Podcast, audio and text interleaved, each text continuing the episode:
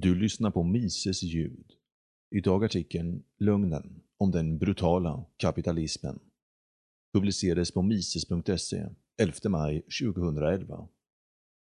Allt för få försvarar kapitalismen i den dagliga debatten. Ännu färre är det dock som är konsekventa vid sitt försvar för kapitalismen. Inte så sällan hörs det från människor som påstår sig försvara kapitalismen att citat. Nej, det är klart att det ibland var hemska förhållanden under 1800-talet. Men det är inte den sortens kapitalism vi förespråkar idag.” Slutcitat. Detta är både felaktigt och farligt. Felaktigt därför att kapitalismens historia är en annan än den de flesta fick lära sig i skolan. Farligt därför att det implicit medger att kapitalismen inte är ett gott system i sig, utan att den fria marknadens mekanismer på något sätt bör styras, tyglas eller övervakas så att citat, det inte blir som på 1800-talet. Slutcitat. Den som intar en sådan attityd är ingen försvarare av kapitalismen, utan en apologet. Faktum är att hela 1800-talet i många avseenden är missuppfattat och orättvist kritiserat av eftervärlden. De flesta har, mer eller mindre uttalat, uppfattningen att 1800-talet präglades av problem, krig, sociala umbäranden och brutal kolonialism. Alla dessa företeelser förekom visserligen under 1800-talet, men retrospektivt är det inte det som är det utmärkande för århundradet. 1800-talets främsta kännetecken är snarare upplysningsanda, framstegsoptimism, vetenskapliga och tekniska landvinningar, frihandel och entreprenörskap. Faktiskt är det inte orimligt att betrakta 1800-talet som, inte i alla, men i många avseenden, det bästa århundradet i mänsklighetens historia. Det räcker att jämföra med 1900-talets totalitarism och blodbad för att inse många slående kontraster. De positiva ting, individualism, yttrandefrihet, tolerans, ekonomisk globalisering, vi gärna förknippar med 1900-talet är, i de allra flesta fall, ett arv från 1800-talets idéer och färgstarka individer. Hur förhåller sig det då egentligen med 1800-talets kapitalism? Historiker har i snart 200 år tenderat att vantolka förhållandena under den industriella revolutionens första decennier. Inte minst torde det bero på att de ofta saknar tillräckliga kunskaper i nationalekonomi. Det finns dessutom en risk att de endast för vidare vad 1800-talets människor själva tyckte om kapitalismen, vilket kan vara intressant, men som knappast med nödvändighet ger en korrekt bild av de faktiska förhållandena. Slutligen är det stor risk att, som så ofta inom historievetenskapen, det förflutna betraktas utifrån nutidens perspektiv, attityder och normer, vilket är ohistoriskt och hämmar förståelsen av det förgångna. Att den framväxande skaran industriarbetare väldigt ofta levde under miserabla materiella villkor tycks många historiker vara eniga om. Hur korrekt är den bilden? Det första och viktigaste att slå fast är att många arbetare inte hade levat alls om det inte vore för den begynnande industrikapitalismen. Under slutet av 1700-talet effektiviserades jordbruket, vilket ledde till högre avkastning och befolkningsökning.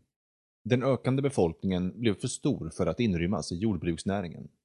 Det var därför småbönder, torpare och drängar sökte sig till städernas framväxande fabriker i och med de tekniska innovationer som gav upphov till industrialismen skapades en efterfrågan på arbetskraft som landsbygdens egendomslösa kunde fylla.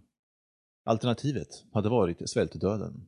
Industriarbetarna skulle med andra ord inte ha varit i livet om det inte vore för industrikapitalismen. För det andra, arbetarnas många gånger usla levnadsstandard måste kontextualiseras. Med kontextualisering avses här att det gäller att förstå hur industriarbetarnas villkor betraktades av samtiden. I och med den enorma välståndsökning industrialismen gav stora mängder människor vande sig allt fler oreflekterat vid en högre levnadsstandard. Eländesbeskrivningarna av arbetarnas förhållanden kommer nästan uteslutande från människor i den växande medelklassen, som skaffat sig referensramar dittills inte skådade i historien. Saker de betraktade som positiva och självklara. Möjlighet till fritid, barns och kvinnors exkludering från arbetsmarknaden, hygien, var okända för alla utom aristokratin bara 50-100 år tidigare.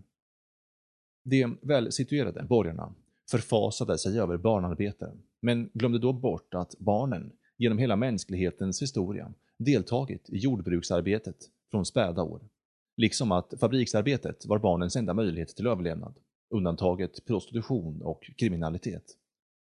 Det bör även hållas i minnet att många inom medelklassen hyste romantiskt konservativa värderingar, vilket innebar vurm för en återgång till en pastoral landsbygdsidyll som aldrig existerat och följdriktigt misstro och förakt mot teknologi, maskiner och lönearbete.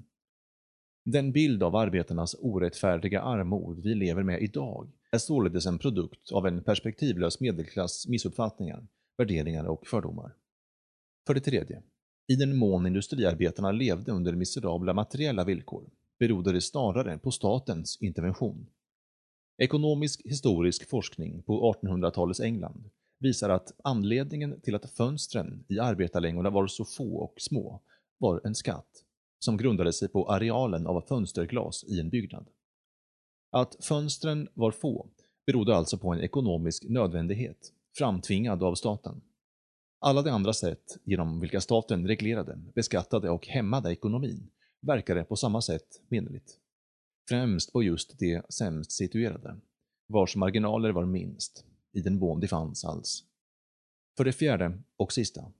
Även om arbetarnas löner till en början var jämförelsevis låga kom det med tiden att öka.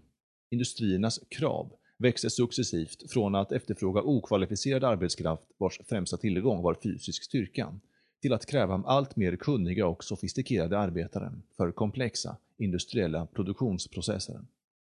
I och med det tilltog även lönekonkurrensen, vilket fick som följd att industriarbetarna som helhet fick kraftigt ökad reallön under hela 1800-talet. Uppfattningen om kapitalisternas utsugning och ständiga nedåtpressande av arbetarlönerna är således inget annat än en myt. Sammanfattningsvis. Det går inte att förneka att den arbetskraft den tidiga industrikapitalismen använde sig av ofta levde under magra förhållanden.